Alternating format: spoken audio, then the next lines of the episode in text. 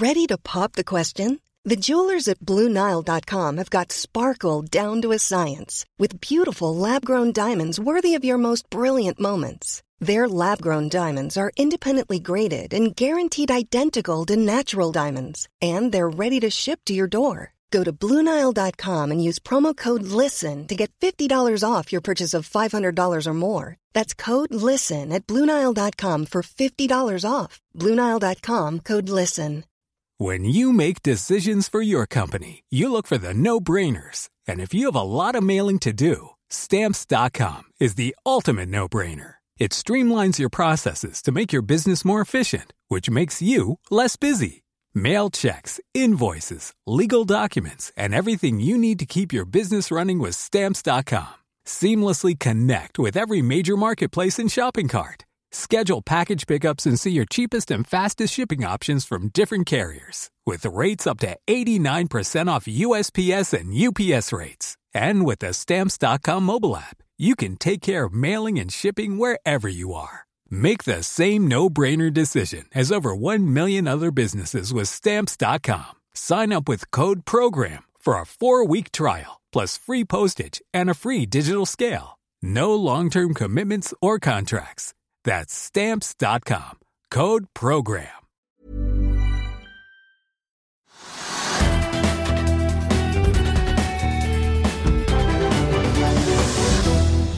Hei og velkommen til Økonominyhetene, der vi skal gå gjennom hovedpunktene på Oslo Børs først. Hovedindeksen faller videre etter gårsdagens nedtur på nesten 2% og nå er indeksen ned ca. 0,2% Oljeprisen faller også, der et fat brentspot nå handles for ca. 66 dollar. SalMar kaster seg inn i kampen om Norway Royal Salmon. Det ble kjent tidligere i dag at SalMar byr 270 kroner per aksje for lakseselskapet, noe som er 30 kroner høyere enn hva NTS kom med i forrige uke, og NRS-kursen er nå opp over 14% Resultatsesongen fortsetter. Blant selskapene som har lagt frem tall i dag, er Kid, som kan melde om omsetningsvekst tross koronastengte butikker i april, og aksjekursen stiger 0,7 også Sidril har lagt frem tall for andre kvartal, og tross et tap på 5,5 milliarder kroner i første halvår stiger aksjekursen 7% Teknologiselskapet Polite faller på sin side med nesten 4% tross kraftig omsetningsvekst. Og også i Europa og i Asia er det røde aksjemarkeder å finne, og i USA var det et blandet utfall i går.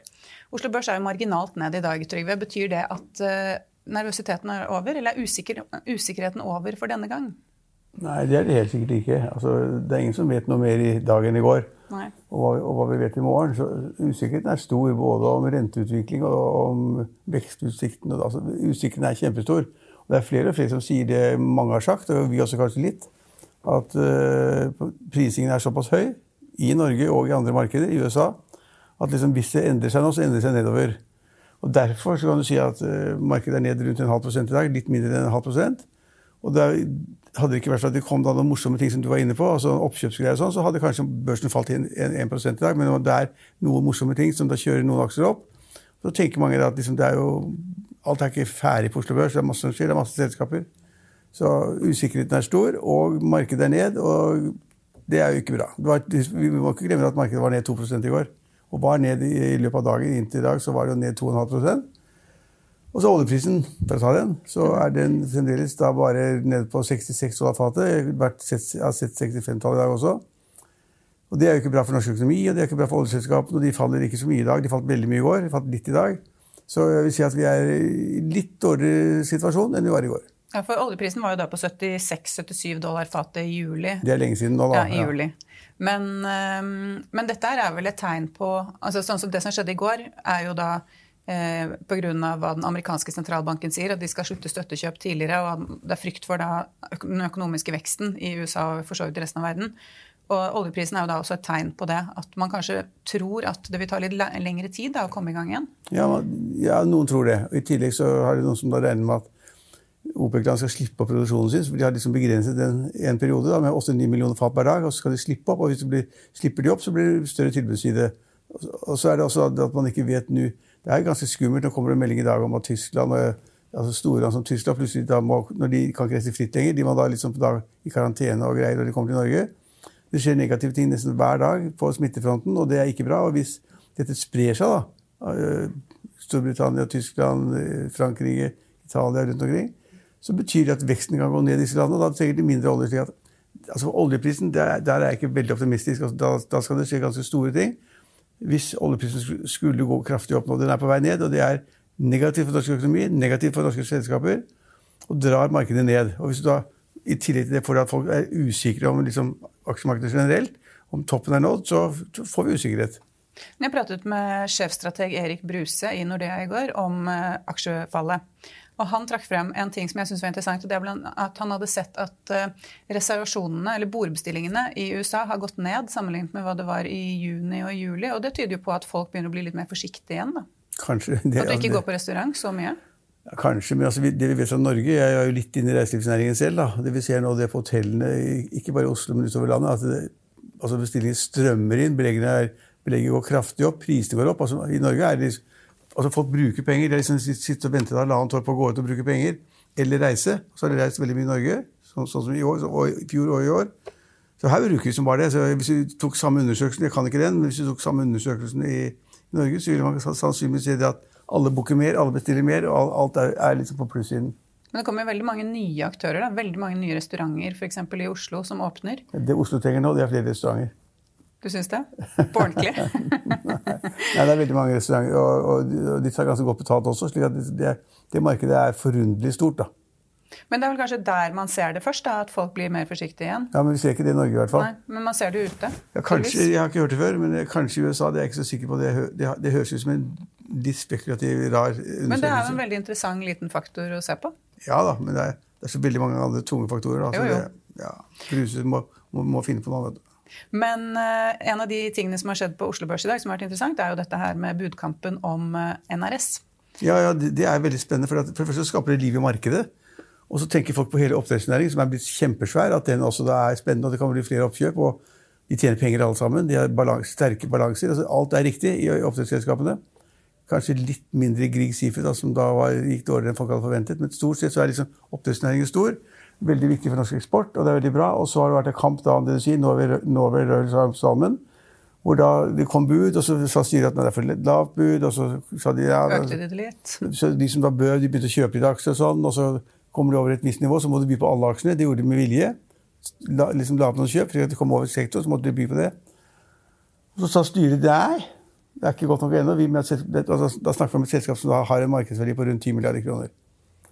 Og så sa styret at nei, ja, det vil vi ikke ha. Og så sa han at ikke gjør noe, sitt stille og vent til det kommer nytt bud. Og så kom det nytt bud. SalMar, kjempeprodusenten, har da budt, som du sa i dag, eh, budt da 270 kroner per aksje. Eh, som da er opp fra det blir for mange tall, opp fra 175 kroner da, for et år siden. eller sånn nå. Så kursen har gått som bare rakkeren fordi det kommer et, opp, et oppkjøpstilbud. Og det er selvfølgelig naturlig. Kommer det oppkjøpstilbud, så må man by mer. Og så har kursen nå lagt seg det er det interessante da, en eller to kroner over det tilbudet på 270 kroner. Og Det tolker da analytikere og andre det som at de regner med at det kommer et nytt bud. Eller at Salma må bli mer enn 270, eller det kommer andre. Jeg tipper at det ikke kommer andre, men at Salma kanskje må by et par kroner mer. Men de får da en enda større bit av oppdrettsnæringen, og de får da selskap med da produksjon eller salg på ti, ja, en verdi av selskapet på ca. 12 milliarder kroner. Men kan, altså Dette må vel sannsynligvis godkjennes? Der regner jeg med Konkurransetilsynet. Ja, kan de si noe om det? Ja, Godt spørsmål. De må helt sikkert godkjennes, men det blir de sikkert også. Men eh, da vi gikk i studio nå, så var kursen opp 14% litt over 14% til ca. 277,5 kroner. Det er jo da 7,5 kroner høyere enn budet deres, da. Jo, det sa, altså det er, Så markedet forventer jo da at det skal komme mer? Hvis det ligger over budet, over 270 kroner, så vil markedet forvente at det kommer et nytt bud, eller at Samara må heve. Eller andre kommer på banen, og andre kommer ikke på banen. Det tror jeg ikke. Det, det er tross alt 12 milliarder kroner da, noen skal betale. Uh, men det som er poenget er at de som har budt hittil, de er jo store aksjonærer, de sitter med 30-40% av selskapet nå. Så Hvis de bare kaster kortene, så har de tjent ganske mye penger for kursoppgangen. Da. Så du, du, kan si at det selskapet som har drevet kursen opp, og som har ønsket å overta, de kommer sannsynligvis veldig godt ut av det uansett. Ja, For den seneste halvannen måneden så har da kursen gått fra 170 til 275 kroner. Og så eh, NTS, da, som da er bud, den andre budgiveren, de eier 37% av selskapet. og det, da, det spekuleres da blant analytikerne om enten om de vil ha mer penger fra SalMar for å gi fra seg denne andelen, eller om man da skal dele opp selskapet? Ja, det var, det, men det var akkurat det jeg sa. at de, de eier 30-40 ja, ja.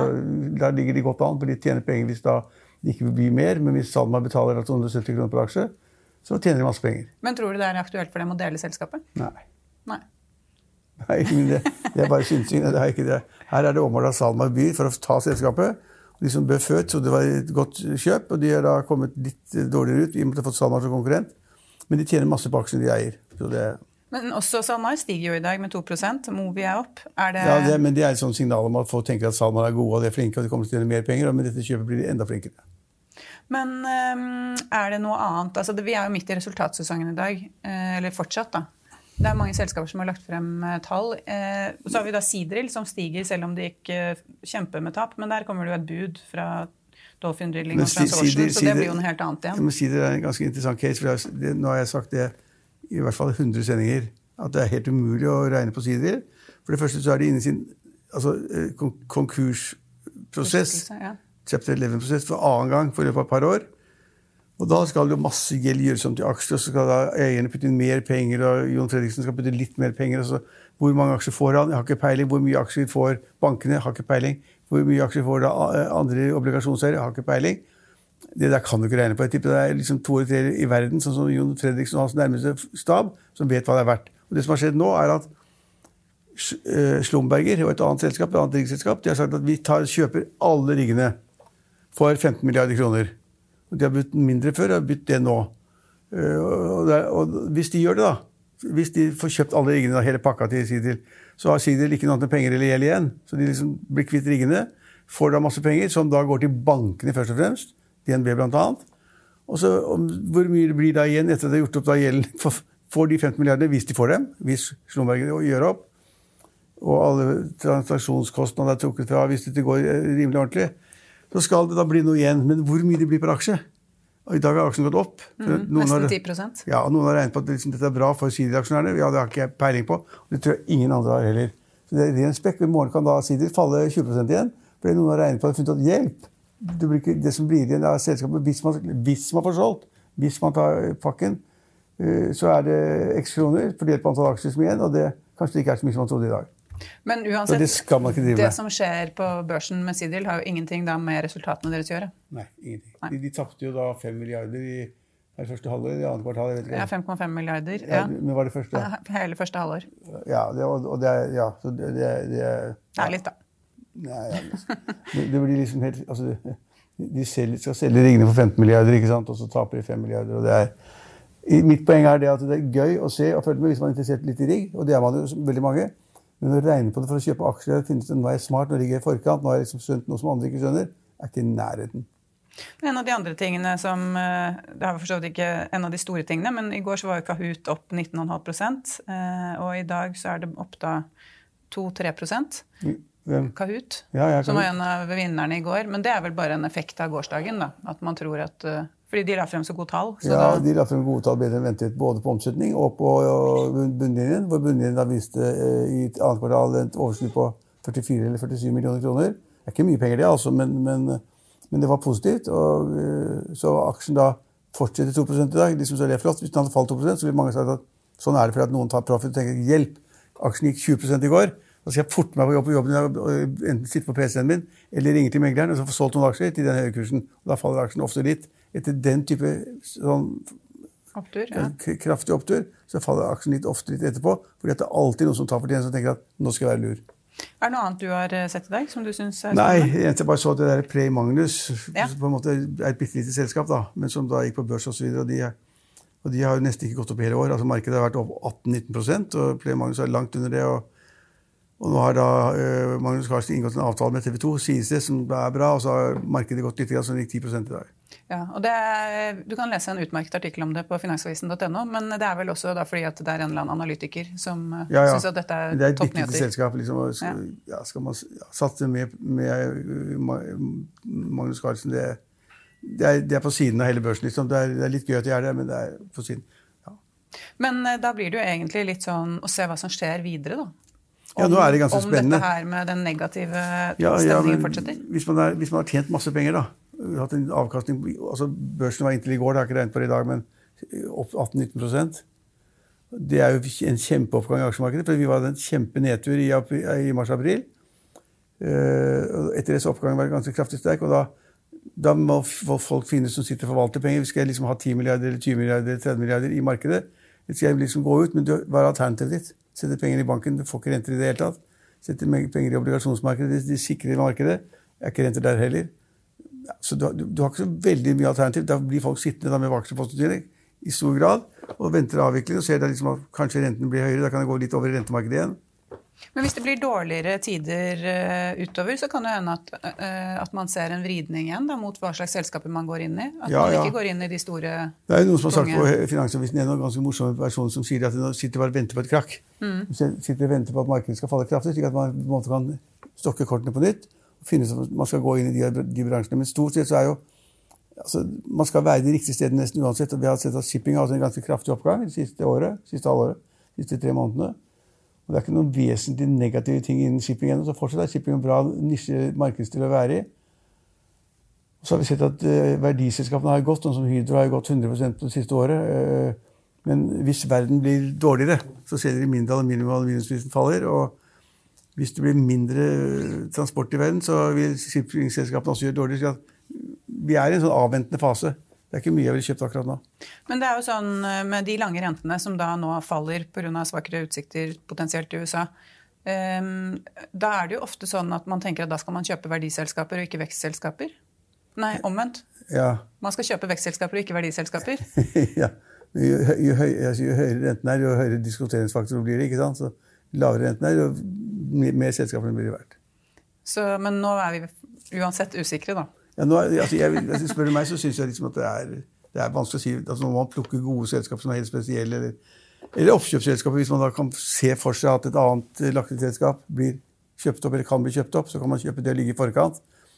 Det finnes jo hele tiden. Enten er nå er det et oppdrettsselskap, det kan være andre selskaper. og Folk spekulerer så mye rart, men, eh, men, akkurat nå så er det vanskelig å finne liksom da, hvor det opplagt kan, kan, kan, kan, bli veldig bra da, eller tjene masse penger.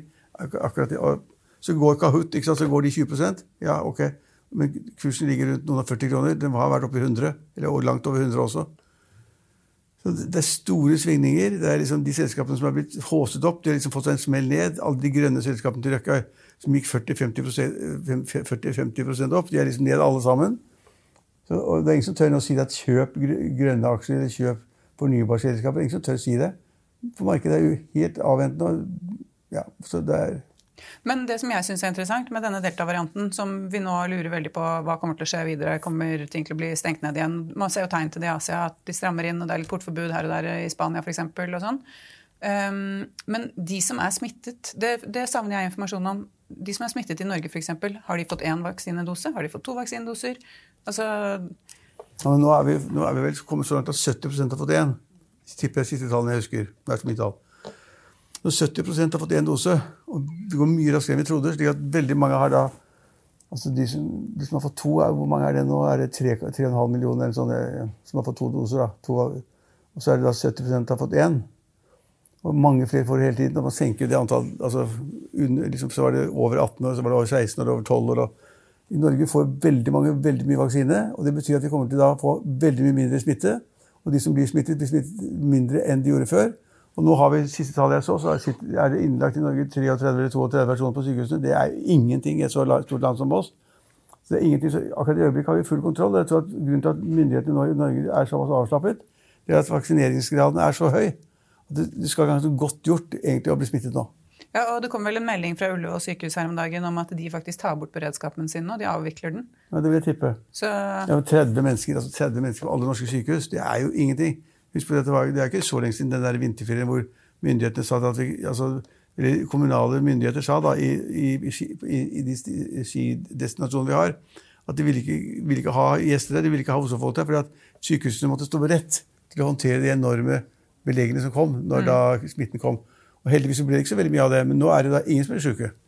Men eh, det blir spennende å se om vi kan fortsette med da dette trinn fire i september. Jeg tipper jeg at vi ikke kan helt ut, i hvert fall. Ja, jeg håper det.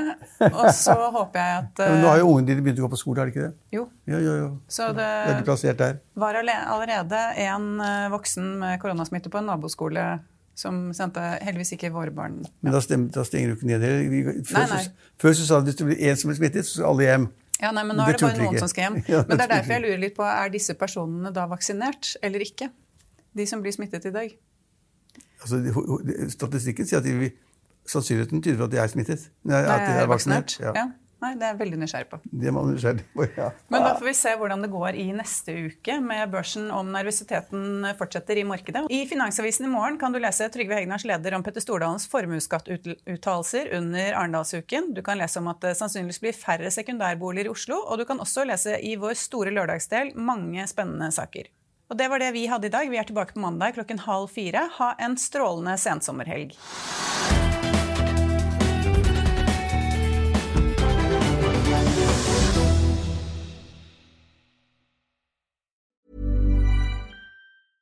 Hey, it's Paige DeSorbo from Giggly Squad. High quality fashion without the price tag. Say hello to Quince. I'm snagging high-end essentials like cozy cashmere sweaters, sleek leather jackets, fine jewelry, and so much more. With Quince being 50 to 80% less than similar brands. And they partner with factories that prioritize safe, ethical, and responsible manufacturing. I love that. Luxury quality within reach. Go to quince.com slash style to get free shipping and 365 day returns on your next order. Quince.com slash style. Økonominyhetene er en podkast fra Finansavisen. Programledere er Marius Lorentzen, Stein Ove Haugen og Benedikte Storm Bamvik. Produsenter er Lars Brenden Skram og Bashar Johar. Og ansvarlig redaktør er Trygve Hegnar.